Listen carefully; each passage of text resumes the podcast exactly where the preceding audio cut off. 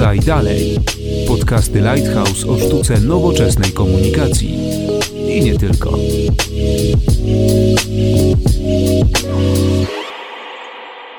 Dzień dobry, Konrad Domański. Zapraszam na 43. odcinek podcastu Lighthouse Podaj Dalej, w którym dzisiaj porozmawiamy o współpracy marki Mody Premium ze sportowcem, e, ogólnie o współpracy marki e, modowej ze sportem, bo, bo to myślę, że jest temat, który warto będzie gdzieś tam szerzej poruszyć. Moimi waszymi gośćmi będą dzisiaj Krzysztof Ignaczak, były reprezentant Polski w siatkówce, obecnie komentator i ekspert sportowy. Myślę, że przez sukcesy nie będziemy przechodzić, bo siatkarze tych sukcesów zdecydowanie więcej niż e, piłkarze mają. Ostatnio też wielki sukces, czyli zwycięstwo w lidze E, światowej, ale my skupimy się dzisiaj trochę bardziej na modzie. Dzień dobry Krzysztof, cześć. Dzień dobry, dzień dobry. Poprawię Cię Konradzie na początku w Lidze Narodów. Ligę Lidze Narodów, przepraszam, tak, tak. To już się zmieniły te rozgrywki, teraz się, co prawda jest to e, bardzo podobna formuła, natomiast już nazwa troszeczkę inna, więc tutaj dla wszystkich fanów, którzy mogą Cię zdisować za to, że, że powiedziałeś Liga Światowa, to Liga Światowa była tamta, co myśmy wygrywali, a to była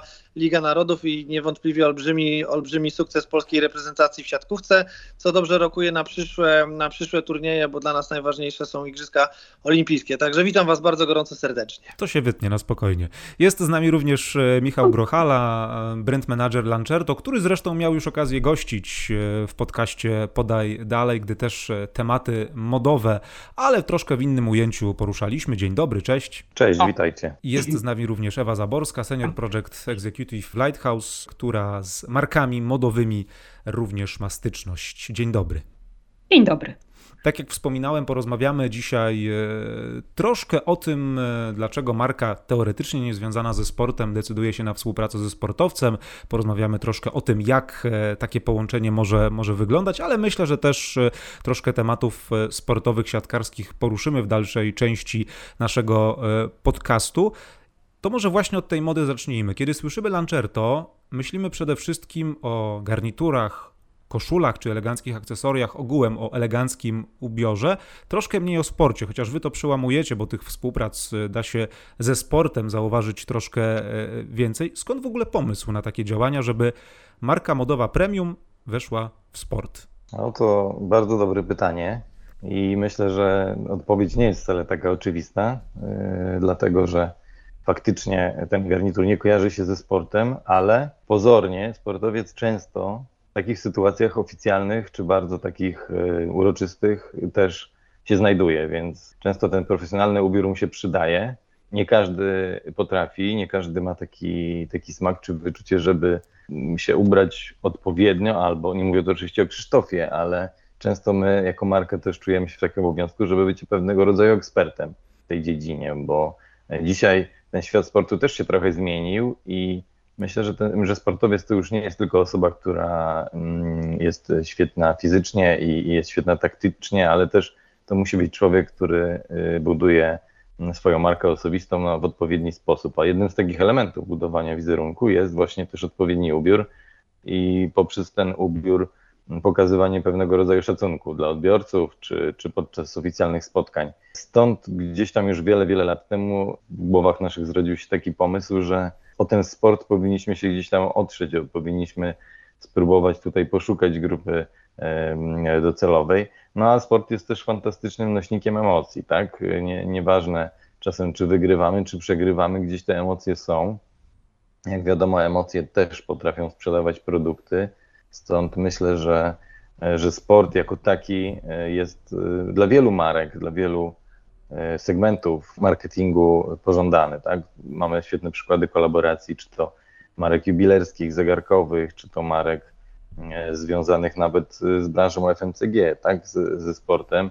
Więc jest to, myślę, na tyle egalitarny nośnik jakichś takich pozytywnych emocji, że, że marka naturalnie powinna, każda w zasadzie marka zainteresować się, e, zainteresować się sportem. A też od kilku lat obserwujemy taką konsekwentną zmianę kierunku w stronę coraz to bardziej casualnej formy ubioru, czyli mamy tutaj do czynienia też ze zmianą z naszej strony portfolio produktowego, bo nie tylko garnitury, nie tylko marynarki, ale coraz więcej się pojawia takich ubrań bardziej swobodnych, typu spodnie dresowe, bluza, t-shirt, polówka, Stąd my jesteśmy oczywiście, ten nasz core, nasz korzeń to jest, to jest moda formalna, ale staramy się też odformalizowywać naszą markę. Zatem jakby tutaj kierunek w stronę sportu był naturalny, czymś naturalnym dla nas.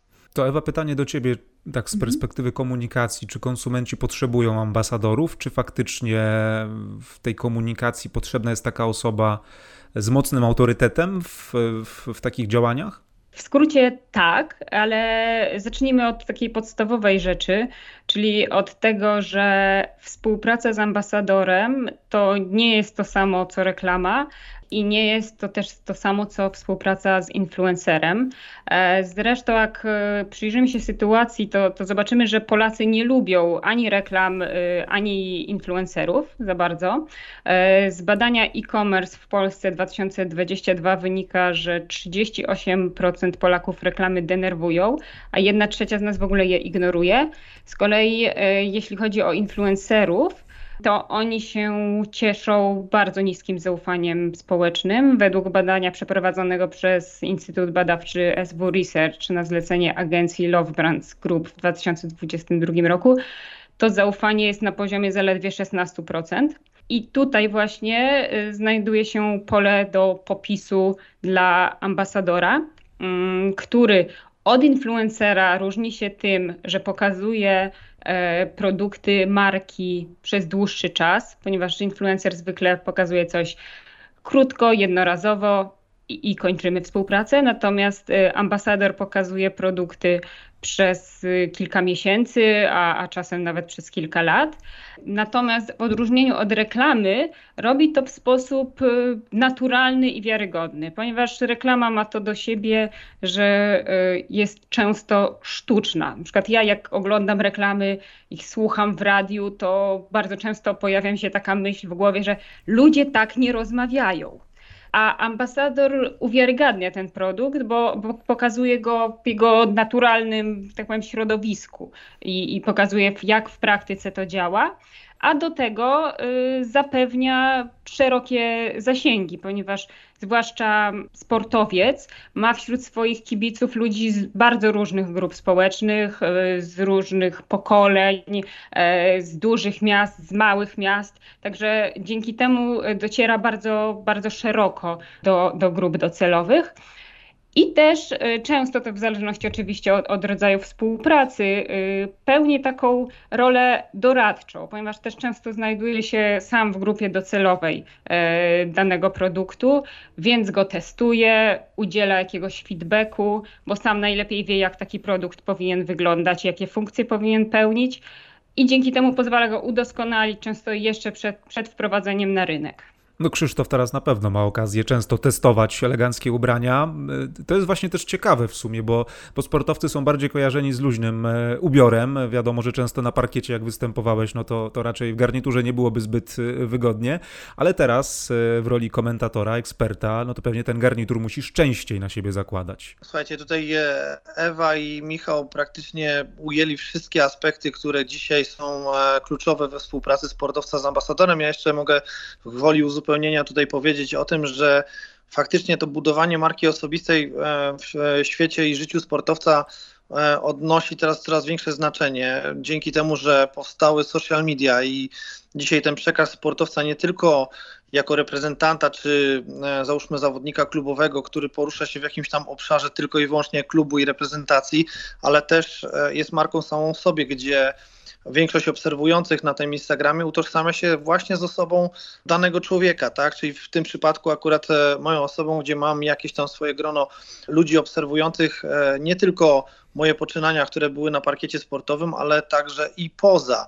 To, co podkreślił Michał, e, świat sportu już teraz idzie w tak profesjonalne prowadzenie, tak profesjonalne spojrzenie na budowanie marki, że wokół wielu wydarzeń sportowych towarzyszą te wydarzenia też są takie dodatkowe, czyli mówimy tutaj o wielu bankietach, o wielu galach, na których no, tych sportowców widać i faktycznie, jeżeli mówimy tutaj o marce modowej, utarło się tak, że sportowcy, ci najlepsi sportowcy na, z tych pierwszych stron gazet, to są ludzie też kreujący w jakiś sposób modę, czyli ludzie, którzy ich obserwują, w jakiś sposób podpatrują, jak tam te osoby się ubierają. Oni nie są, tak jak Ewa wspomniała, influencerami. To nie są e, ludzie, którzy robią to coś tu i teraz, tylko jeżeli mówimy tutaj o marce e, i połączeniu kogoś z ambasadorem, to jeżeli ja dzisiaj myślę o połączeniu, załóżmy z Lancerto, to ja byłem po pierwsze konsumentem, e, że tak powiem, który zakupił sobie jakiś produkt Lancerto, przekonał się do tej marki i faktycznie my żeśmy nawiązali tutaj nić porozumienia, dlatego że ja uważam, ten, że ten produkt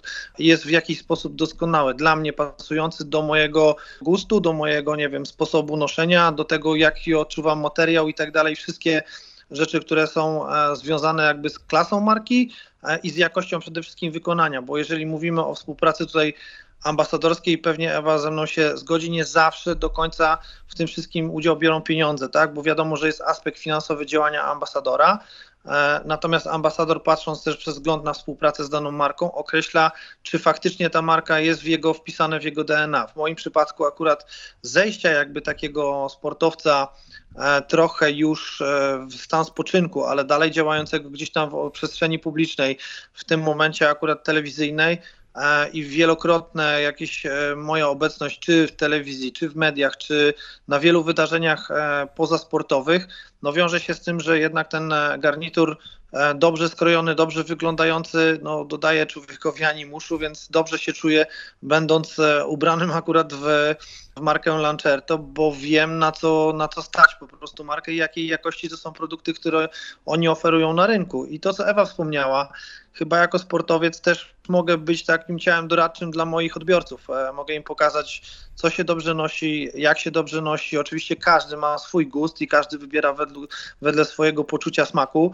Natomiast e, wiadomo, że zobaczy się jedną, dwie rzeczy, które są ubrane akurat e, załóżmy z marki. Można doskonale łączyć różne marki, pokazując markę Lancertos też z innymi klasycznymi markami albo dobrymi produktami, które, które można ubierać, bo marka Lancerto, tak jak sama w sobie powiem, urzekła mnie przede wszystkim znakomitą koszulą, której chyba na rynku można, może, mogą inne po prostu marki pozazdrościć. Kołnierzyk jest wykonany po prostu wręcz genialnie, perfekcyjnie.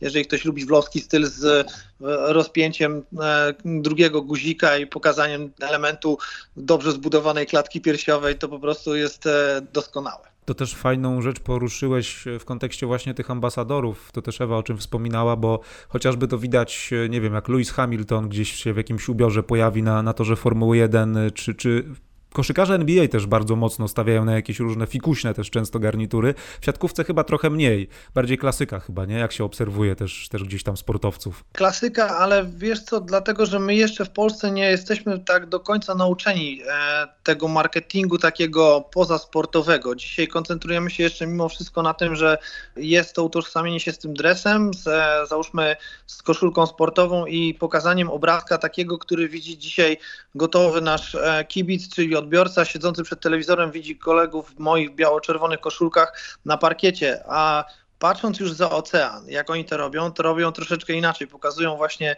samo wejście, gdzie ta elegancja, gdzie ten szyk, gdzie pokazanie tego człowieka, że on troszeczkę inaczej wygląda niż na parkiecie, że może wyglądać inaczej, a przecież sylwetki sportowców są nienaganne. Powiedzmy sobie, że tak e, e, powinniśmy wyglądać, tak e, powinno się wyglądać, w zdrowym ciele zdrowy duch jak to, jak to mawiają, więc powinniśmy dążyć do takiej bardzo sportowej sylwetki, na której no te no, rzeczy wszystkie leżą no, nienagannie, wręcz powiem, że czasami są skrojone na miarę i to dosłownie na miarę, bo przecież sportowcy, e, czy koszykarze, czy siatkarze to są osoby dosyć wysokie, więc e, tu musi być skrojone, że tak powiem, wszystko na miarę, ale tak jak mówię, NBA chociażby pokazuje właśnie i kreuje tą modę. E, tam są obowiązki, że zawodnicy, którzy przyjeżdżają przed meczem, muszą mieć co jakiś czas nowy garnitur. To nie jest tak, że oni mają tylko jeden garnitur w szafie, jakiś dyżurny powieszony, tylko jest obowiązek zmiany tych garniturów. E, kiedyś ktoś mi powiedział, że w rozmowie z Marcinem Gortatem Marcin stwierdził, że to nie jest tak. Zarabiamy pieniądze w NBA, dostajemy, my mamy pokazać, że to jest bardzo prestiżowy produkt, nie tylko na parkiecie, ale i poza nim, że tam są duże pieniądze, bo tam są duże pieniądze, więc ten marketing jakby sportowy szeroko rozumiany i szeroko pojęty we współpracy z innymi markami, tak jak e, tutaj wspomniał nam e, Michał, czy biżuterią, czy, czy zegarkami, to to wszystko jest w tym momencie jakby spójne i, i, i można to fajnie w tym momencie pokazywać to też, y, Michał, jak obserwuję was, wasze social media, widzę, że wy starannie dobieracie e, autorytety, że tak powiem, ambasadorów do, do swoich projektów. Nie wiem, robicie to według klucza, czy, czy generalnie gdzieś poprzez swoje obserwacje rynku.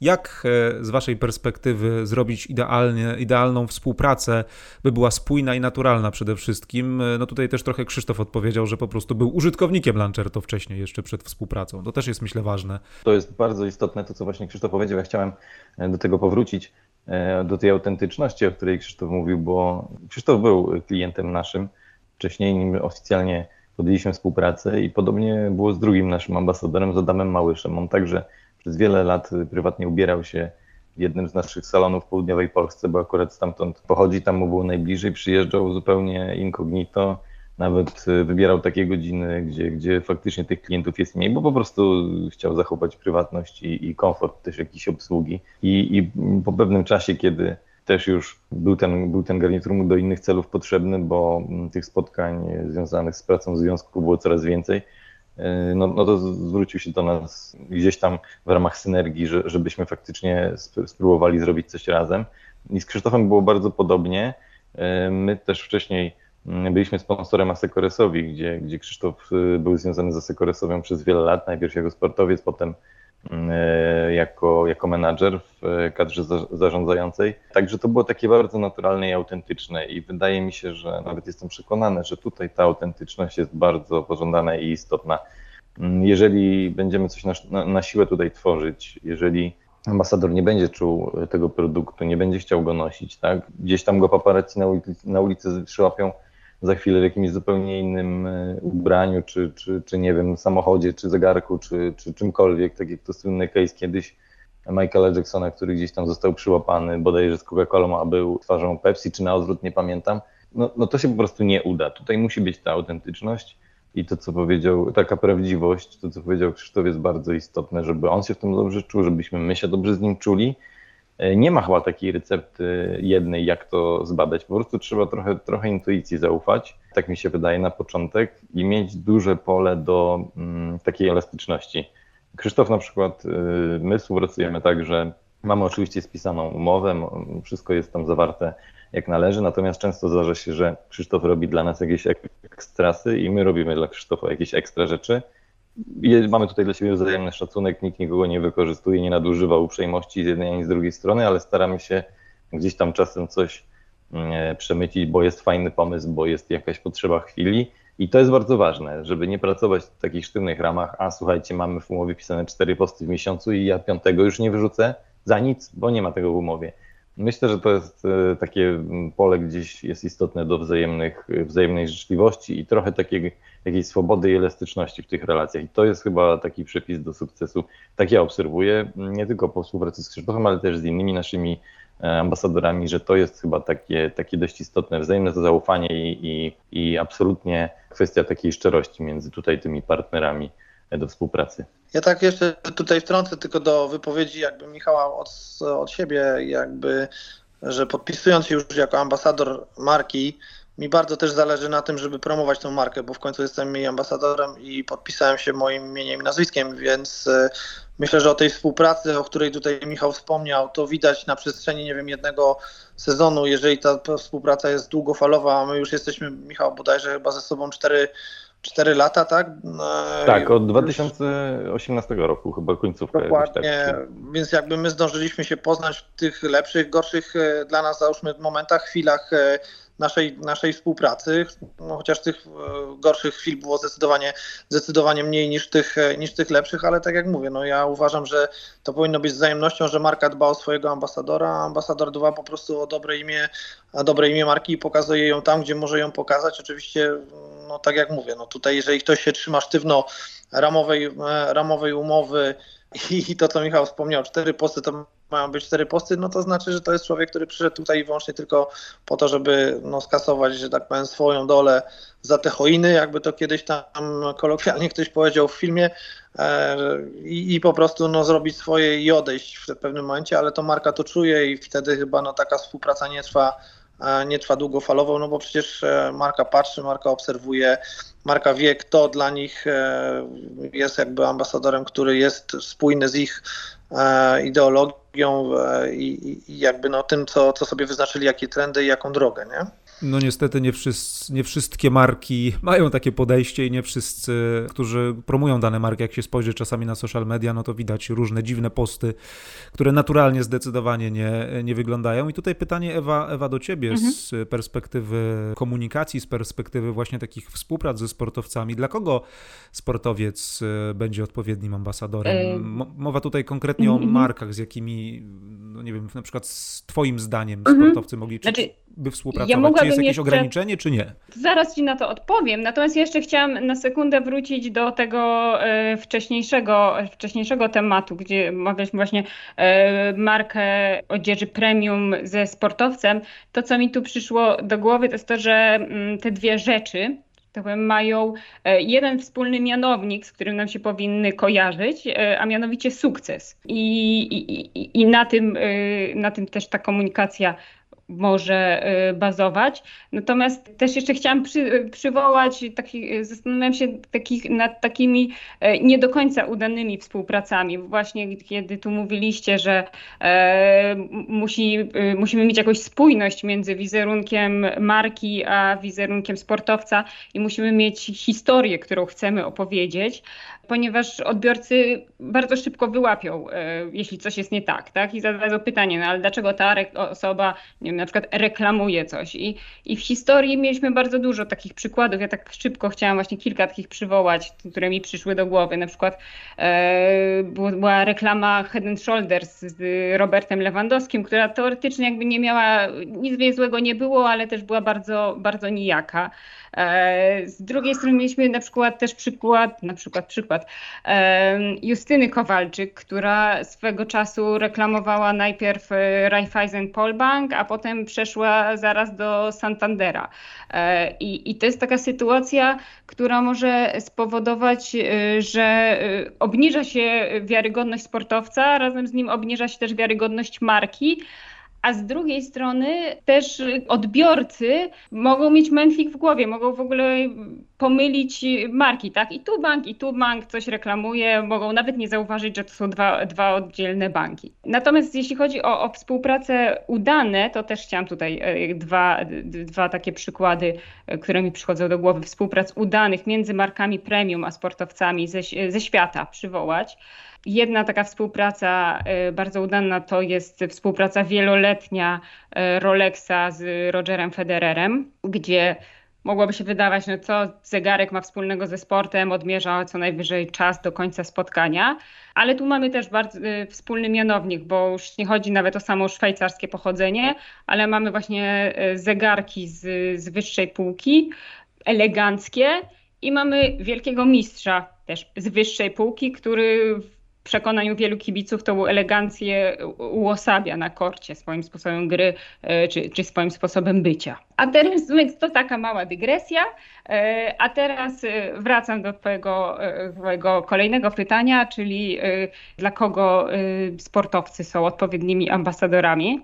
Tak naprawdę, kiedy o tym myślimy, pierwszą rzeczą, którą nam przychodzi do głowy są marki związane ze sportem, czyli producenci sprzętu, producenci ubrań sportowych, producenci izotoników. E, tutaj w historii mamy bardzo wiele udanych współprac. Chyba jedna z takich najgłośniejszych to jest współpraca wieloletnia Nike z, z Michaelem Jordanem, która sięga jeszcze lat 80.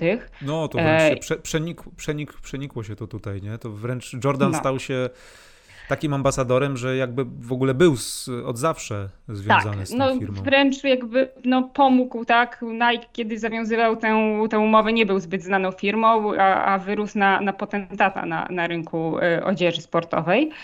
Ale nawet taka, taka współpraca, kiedy mamy y, markę sportową i sportowca, nawet ta współpraca musi być y, przemyślana, bo to nie wystarczy, że weźmiemy sobie głośne nazwisko e, i, i to nam się poniesie. E, taki najgłośniejszy chyba przykład z ostatniego czasu to jest współpraca e, Roberta Janny Lewandowskich z rowerami Storm które są dość mało znaną marką. I z jednej strony Gdyby nie ta współpraca, to wielu Polaków w ogóle by w życiu nie usłyszało, że takie rowery istnieją, ale z drugiej strony to, że podpisali tę umowę taką ambasadorską z, z tak mało znaną marką, spowodowało, że natychmiast pojawiły się krytyczne głosy, że, że Robert Lewandowski rozmienia się na drobne, że obniża swoją wartość marketingową. Kolejną taką branżą, która, która często sięga po sportowców, jest branża FMCG, czyli wszystkie dobra szybko zbywalne, jedzenie, kosmetyki. I mamy też y, e, elektronikę, czyli, czyli telefony. Tak naprawdę nie ma żadnych ograniczeń. Często też przez sport komunikują się marki, które teoretycznie ze sportem nie powinny się łączyć. Mamy chociażby przykład reklamy chipsów Lays, czyli niezbyt zdrowego jedzenia z Leo Messim gdzie, który to się e, jakby osadza na takim prostym skojarzeniu, chipsy, spotkanie ze znajomymi, obejrzenie meczu, radosna atmosfera i to się niesie. Innym przykładem jest Coca-Cola, znowu niezbyt zdrowy napój, a jednak e, sponsoruje Mistrzostwa e, Świata czy, czy Mistrzostwa Europy w piłce nożnej. Ale teraz już Coca-Cola Zero. Tak, ale tutaj z kolei mieliśmy taki przykład, y, zapewne kojarzycie na Euro 2020, kiedy podczas jakiejś przedmeczowej konferencji Cristiano Ronaldo ostentacyjnie odsunął Coca-Colę, czyli sponsora turnieju, y, zachęcając wszystkich do picia wody, więc takie sytuacje też się zdarzają.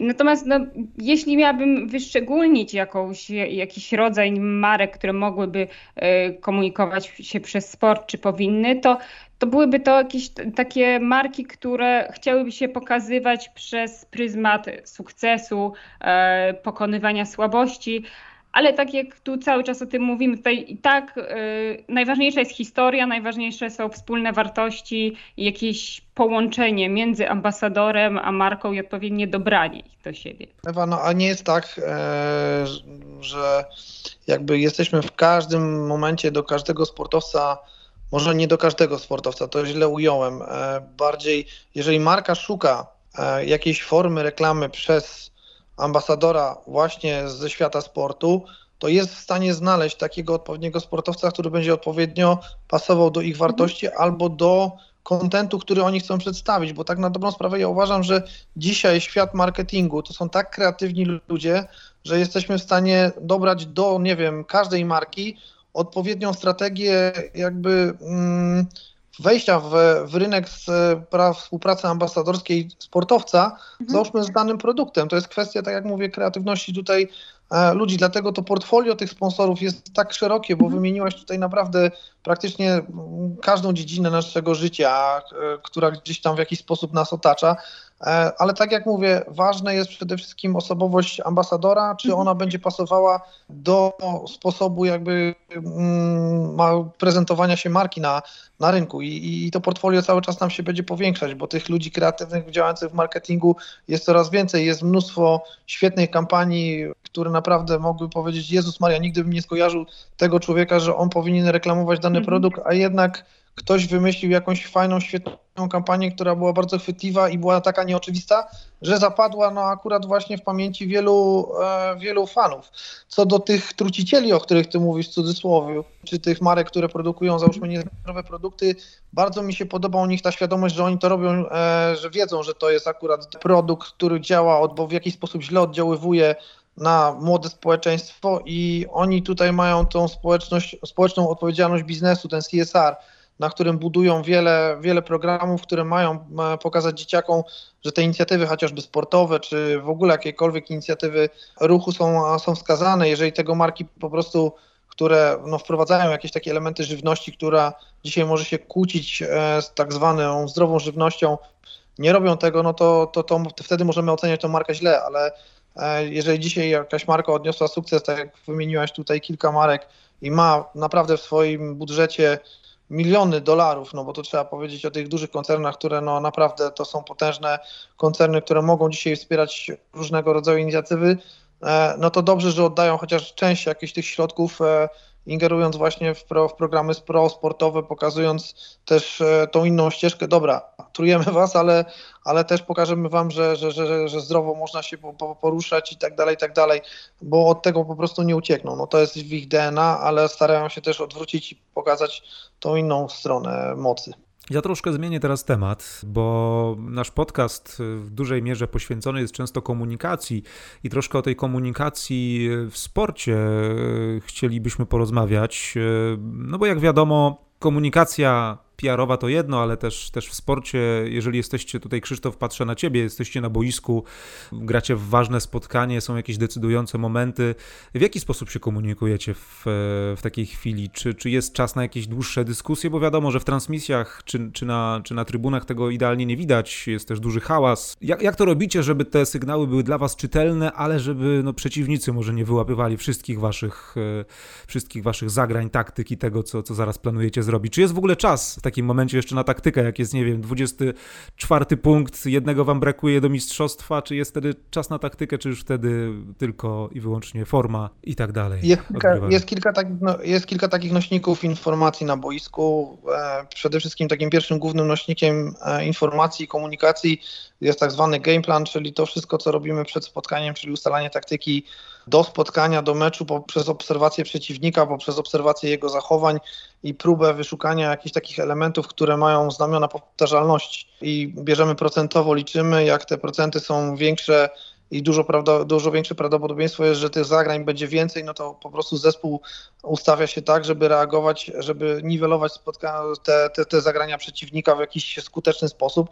Mówię to o ustawianiu systemu blok obrona. Myślę, że tutaj Państwo, którzy może nie są jeszcze wdrożeni w siatkówkę, to nie będę tutaj zanudzał. Drugą taką e, metodą komunikacji są przerwy, gdzie trener ma tam dosłownie dwie minuty na to, żeby przekazać informację. Tutaj z reguły zmienia się taktykę, jeżeli przeciwnik czymś zaskoczył i nie ma jakby tych oczywistych oczywistości, o których powiedziało się przed spotkaniem i w tej taktyce gdzieś są jakieś błędy, to trzeba to szybko po prostu zmienić i reaguje się na bieżąco. Tutaj ta kreatywność zawodników, e, jeżeli chodzi o siatkówkę, ale myślę, że w większości dyscyplin sportowych jest e, olbrzymia i my musimy szybko reagować i zmieniać na, na, na, na panujące sytuacje E, na boisku.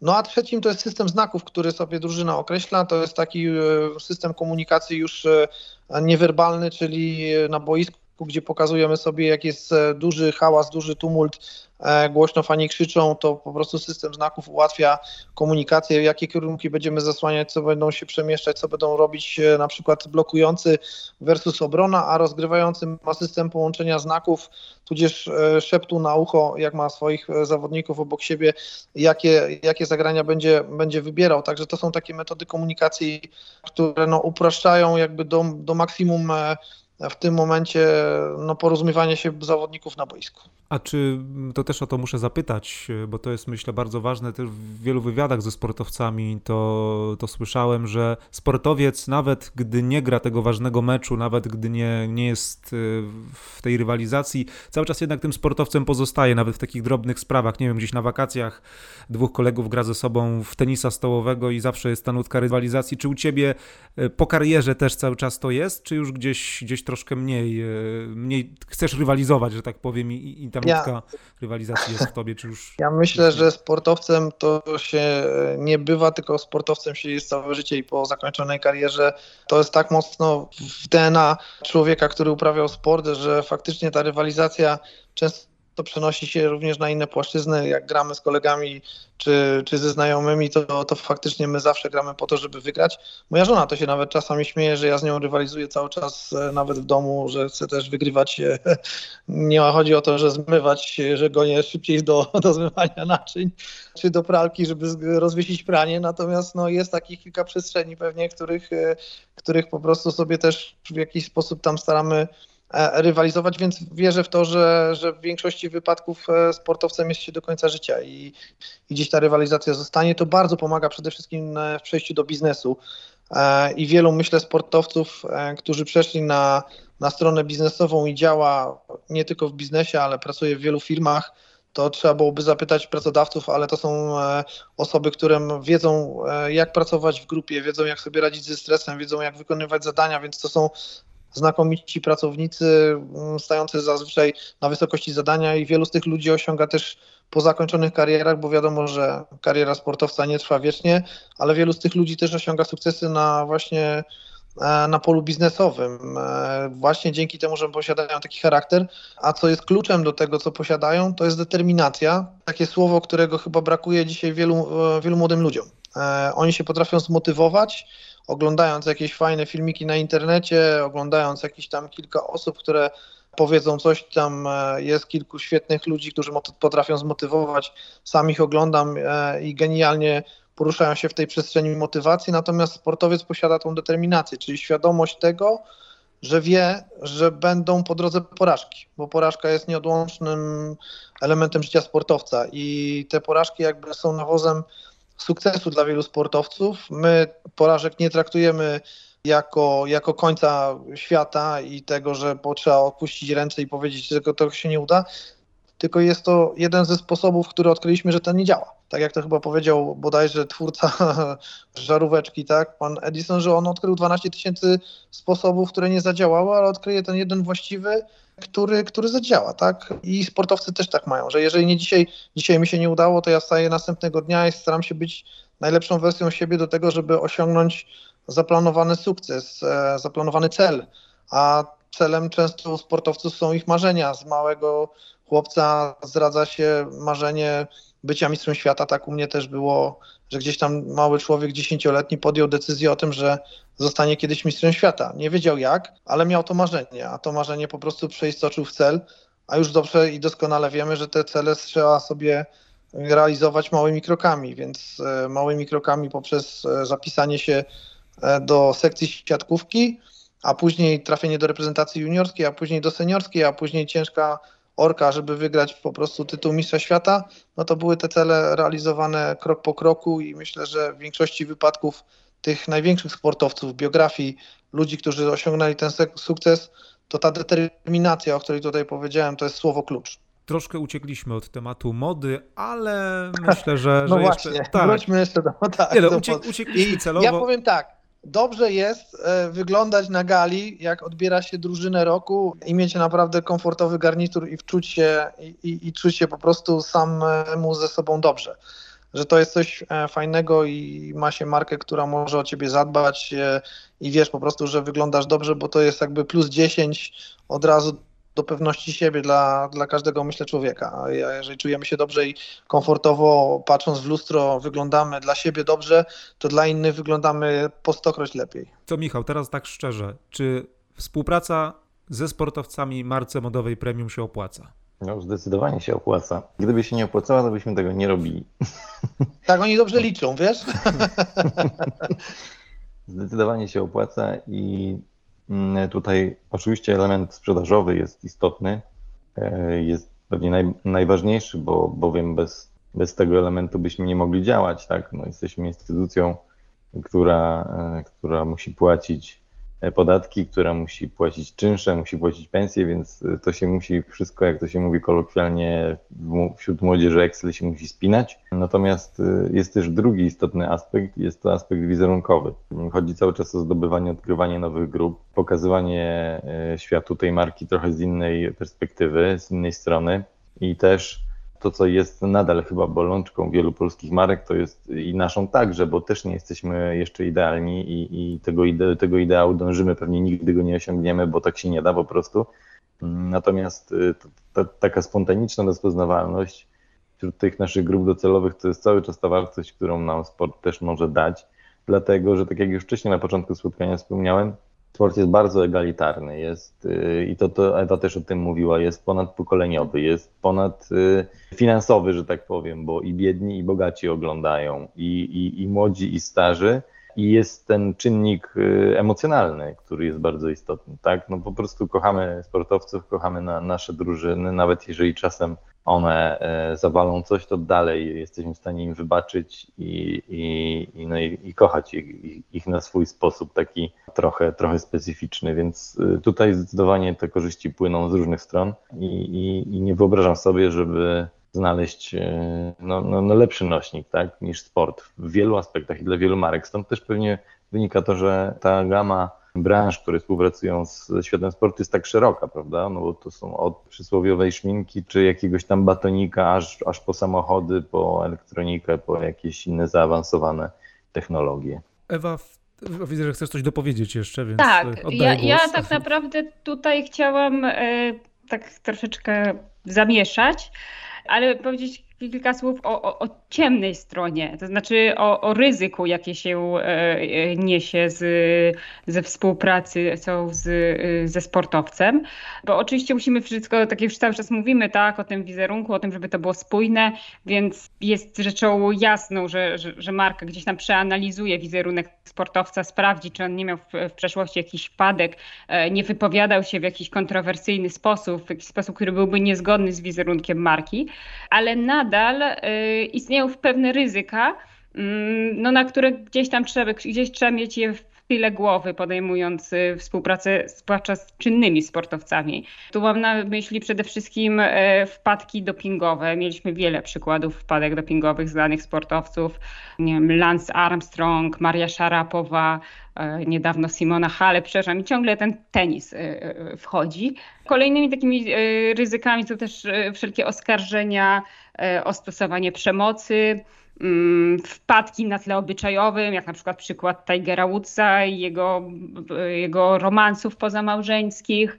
Mamy też kontrower właśnie kontrowersyjne poglądy. Niedalek, niedawny przykład e, Nowaka Dżokowicza, który odmówił szczepienia się na COVID, pojechał do Australii, było wielkie zamieszanie, został z niej wydalony to wszystko może doprowadzić e, do, do zerwania e, kontraktu między, między sponsorem czy między firmą, której, której sportowiec jest ambasadorem.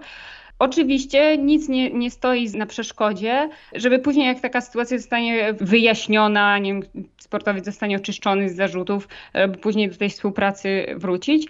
No ale są to jakby takie pewne ryzyka, które, które niesie ze sobą współpraca e, między markami a sportowcami. No tak, też trzeba do tego dołożyć różne kontrowersyjne tezy, które mogą sportowcy głosić w programach telewizyjnych, jak w ubraniach danej tak. marki występują. Ja wiem, Krzysztof, że ty na pewno swoich kolegów po fachu krytykować nie będziesz, ale są czasami takie postaci, które wyraziście potrafią coś skomentować i podejrzewam, że czasami danej marce może to nie odpowiadać. Prawdziwa cnota krytyki się nie boi. Moi drodzy, to nie jest tak, że ja nie mogę krytykować moich e, kolegów, e, jeżeli widzę, e, że na boisku się dzieje coś nie tak i wszyscy widzą, że grają nasi poniżej oczekiwań, a znamy i wiemy po prostu i potrafimy ocenić ich umiejętności, to trzeba o tym mówić i mm, myślę, że nasi sportowcy, a znam ich doskonale, przynajmniej moich e, kolegów z byłych z boiska, to wiem, że oni jak grają źle, to i będzie krytyka, to wiedzą, że grali po prostu źle i będą starali się to jakby naprawić. Oczywiście nie będziemy tutaj e, wyolbrzymiać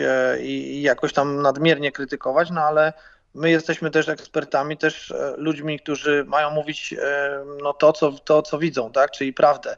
Jeżeli ja bym w tym momencie w jakiś sposób próbował powiedzieć coś innego, no to nie będę, nie będę ekspertem, nie będę wtedy wiarygodny dla, dla ludzi, którzy oglądają, no bo częściowo jest tak, że mamy 40 milionów Polaków i wszyscy się znają na siatkówce już teraz, także, także to, nie jest, to nie jest tak, że, że dzisiaj patrząc i widząc naszą słabszą grę, ja mogę powiedzieć i ochy i achy, że tamci grają po prostu lepiej. No tak, grają lepiej, ale z jakiegoś powodu nasi dzisiaj muszą po prostu spiąć szyki, poprawić pewne elementy i o których elementach my po prostu życzowo sobie e, rozmawiamy, bo byliśmy w tych samych sytuacjach, byliśmy w tym samym miejscu, byliśmy na boisku, przegrywaliśmy nieraz. Nieraz na nas wieszano, że tak powiem, też różnego rodzaju przekleństwa i myślę, że Państwo oglądając mnie niejednokrotnie też e, mieli zarówno łzy szczęścia, jak i zdenerwowania, także to jest po prostu życie. Ale wydaje mi się, że jednak chyba piłkarzom się trochę bardziej obrywa, że jednak siatkarze chyba nie są aż tak wystawieni na tak dużą krytykę jak, jak, jak kopacze. Ja powiem tak, generalnie nie chciałbym tutaj wchodzić jakby w obszar piłki nożnej. Ja się cieszę, że jestem siatkarzem i niech tak zostanie. Cieszę się, że moja dyscyplina e, jest na tym miejscu, na którym jest. To była ciężka praca wielu pokoleń. Dzisiaj ci chłopcy to, co robią, to jest fenomenalne. Cieszę się, że jesteśmy blisko tego, żeby być e, sportem narodowym, który daje tyle przyjemności i satysfakcji po prostu naszym, naszym kibicom. Wierzę w to, że już niebawem sięgniemy po ten upragniony medal Igrzysk Olimpijskich. To jest, myślę, takie spełnienie nie tylko e, marzeń tych chłopaków, którzy dzisiaj są w reprezentacji, ale wielu, wielu polskich e, kibiców przed telewizorami. Bardzo tutaj na to, na to liczymy. A piłka nożna zawsze będzie piłką nożną. To jest sport, w który gra się na całym świecie i tego nie przeskoczymy. To jest sport, który jest najpopularniejszy dzięki temu, że w swojej prostocie E, może grać w nią każdy. I żeby zagrać siatkówkę i żeby ona sprawiała przyjemność, trzeba no jednak poświęcić trochę czasu, żeby technicznie nauczyć się odbijać przez siatkę. Do tego potrzeba e, iluś tam godzin więcej e, treningu, a tak jak powiedziałem, ta piłka w tej swojej prostocie, w tym na, no, można powiedzieć najmniejszym wykonaniu, takim najprostszym to jest bramka i każdy może strzelić tą bramkę i dlatego jest tak bardzo popularna. Nazwisko dzisiaj Roberta Lewandowskiego, którego uważamy za jednego z najlepszych piłkarzy obecnie e, na świecie, myślę, że jest dużo bardziej rozpoznawalne niż jakiegokolwiek siatkarza, którego wymienimy najlepszego na świecie. Jeżeli pojedziemy do Afryki czy do jakiegoś kontynentu i zapytamy się, kim jest Robert Lewandowski, to ktoś to wymieni i powie, że to jest piłkarz e, z Polski a, a jakiegoś na przykład siatkarza, biorąc Wilfredo Leona, którego możemy postawić jako najlepszego e, siatkarza e, globu, jednego z, no myślę, że wiele osób by po prostu pokiwało głową i powiedziało, no sorry, Winetu, ale nie wiemy kim on jest. To też w siatkówce dla mnie niesamowite jest to, już powoli kończąc nasze dzisiejsze spotkanie, jak, jaka atmosfera zawsze jest na trybunach. Nie wiem, czy któryś inny sport może się pochwalić e, czymś takim. Nie wiem, jak wy to czujecie na boisku, jak jesteście na parkiecie, czy w ogóle słyszycie to, co się dzieje, ale jak chociażby te ostatnie mecze oglądałem, które były rozgrywane, no to po prostu wręcz ci kibice wylewali tą atmosferę poza ekran telewizora. No to, to coś niesamowitego, jak to w siatkówce wygląda. Nie wiem, czy chyba, chyba w żadnym innym sporcie nie ma aż, tak, aż takiej atmosfery, jak, jak w siatkówce no, właśnie. My jako siatkówka doszliśmy do perfekcji, jeżeli chodzi o organizację imprez sportowych, jako widowisk e, takich marketingowo. E, przede wszystkim jest tam atmosfera e, rodzinna, tak? E, nie ma stresu, że człowiek przyjeżdżający e, z Krakowa e, będzie spotykał człowieka z Warszawy i w jakikolwiek sposób może dojść do jakiegokolwiek konfliktu. Tutaj wszyscy są zrzeszeni jako reprezentacja Polski w siatkówce. Jest mnóstwo dzieci, są e, mężowie z żonami, e, są młode pary, no jest po prostu pokoleniowo. Ostatnio tam wynagrodzony był jakiś najstarszy kibic, który miał ponad tam 90 lat, także, także to siatkówka jest ponadpokoleniowa i myślę, że tutaj wracając do tego, o czym dzisiaj sobie rozmawialiśmy, jest znakomitym nośnikiem dla wielu, dla wielu brandów, e, bo się bardzo dobrze kojarzy, jest pozytywnie rozpoznawalna, I, I tak jak mówimy, to wielopokoleniowa, więc każdy brand tutaj może znaleźć coś dla siebie, żeby znaleźć tą działeczkę e, popularyzacji swojego, załóżmy, produktu. Michał, Ewa, jeszcze... zgodzisz się ze mną? Ewa, zgodzisz się ze mną? Oczywiście. No, tak, to chyba nawet nie podlega dyskusji. No, ta tak. atmosfera, która jest wokół siatkówki i to, jak jest to przyjazny sport, sprawia, że marki na pewno z chęcią, czy to ze sportowcami, czy, czy ogólnie jako, nie wiem, ze związkiem, czy, czy, czy z drużynami współpracują.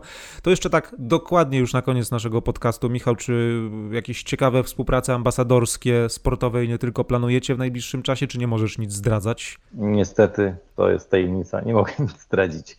Nie no, wiadomo, że, że póki gdzieś tam klamka nie zapadnie i umowa nie zostanie podpisana, nie możemy o takich rzeczach mówić, rozmawiać.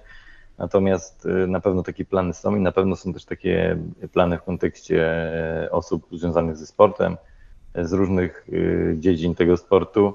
Obserwujemy, sprawdzamy, kto, kto, by, kto by pasował i, i do kogo my byśmy pasowali, bo to też działa w dwie strony, prawda? E, nic na siłę, spokojnie, organicznie E, jestem pewien, że będziemy mieli tutaj okazję porozmawiać z ciekawymi osobami podczas tego podcastu, podczas cyklu rozmów, e, które, które będą e, ambasadorami Lancerto. Ja dziękuję Wam za to dzisiejsze spotkanie, że znaleźliście czas, e, żeby o modzie i o sporcie porozmawiać. Trochę tutaj nam się różnych wątków pojawiło, więc pewnie musielibyśmy kilka innych odcinków zrobić, żeby te wszystkie wątki e, rozwinąć. E, przypominam, że moimi i Waszymi gośćmi dzisiaj w podcaście Podaj Dalej byli Krzysztof Ignaczak, był reprezentant Polski w siatkówce, komentator obecnie, ekspert sportowy i biznesmen też. Dziękujemy. Dziękuję ślicznie. Był z nami również Michał Grochala, brand manager Lancerto. Dziękuję. Dzięki piękne i Ewa Zaborska, Senior Project Executive w Lighthouse. Dziękuję. Konrad Domański, do usłyszenia, do zobaczenia w kolejnym odcinku podcastu Podaj Dalej. Spodobał Ci się nasz podcast? Podaj dalej i śledź naszą stronę oraz kanały społecznościowe.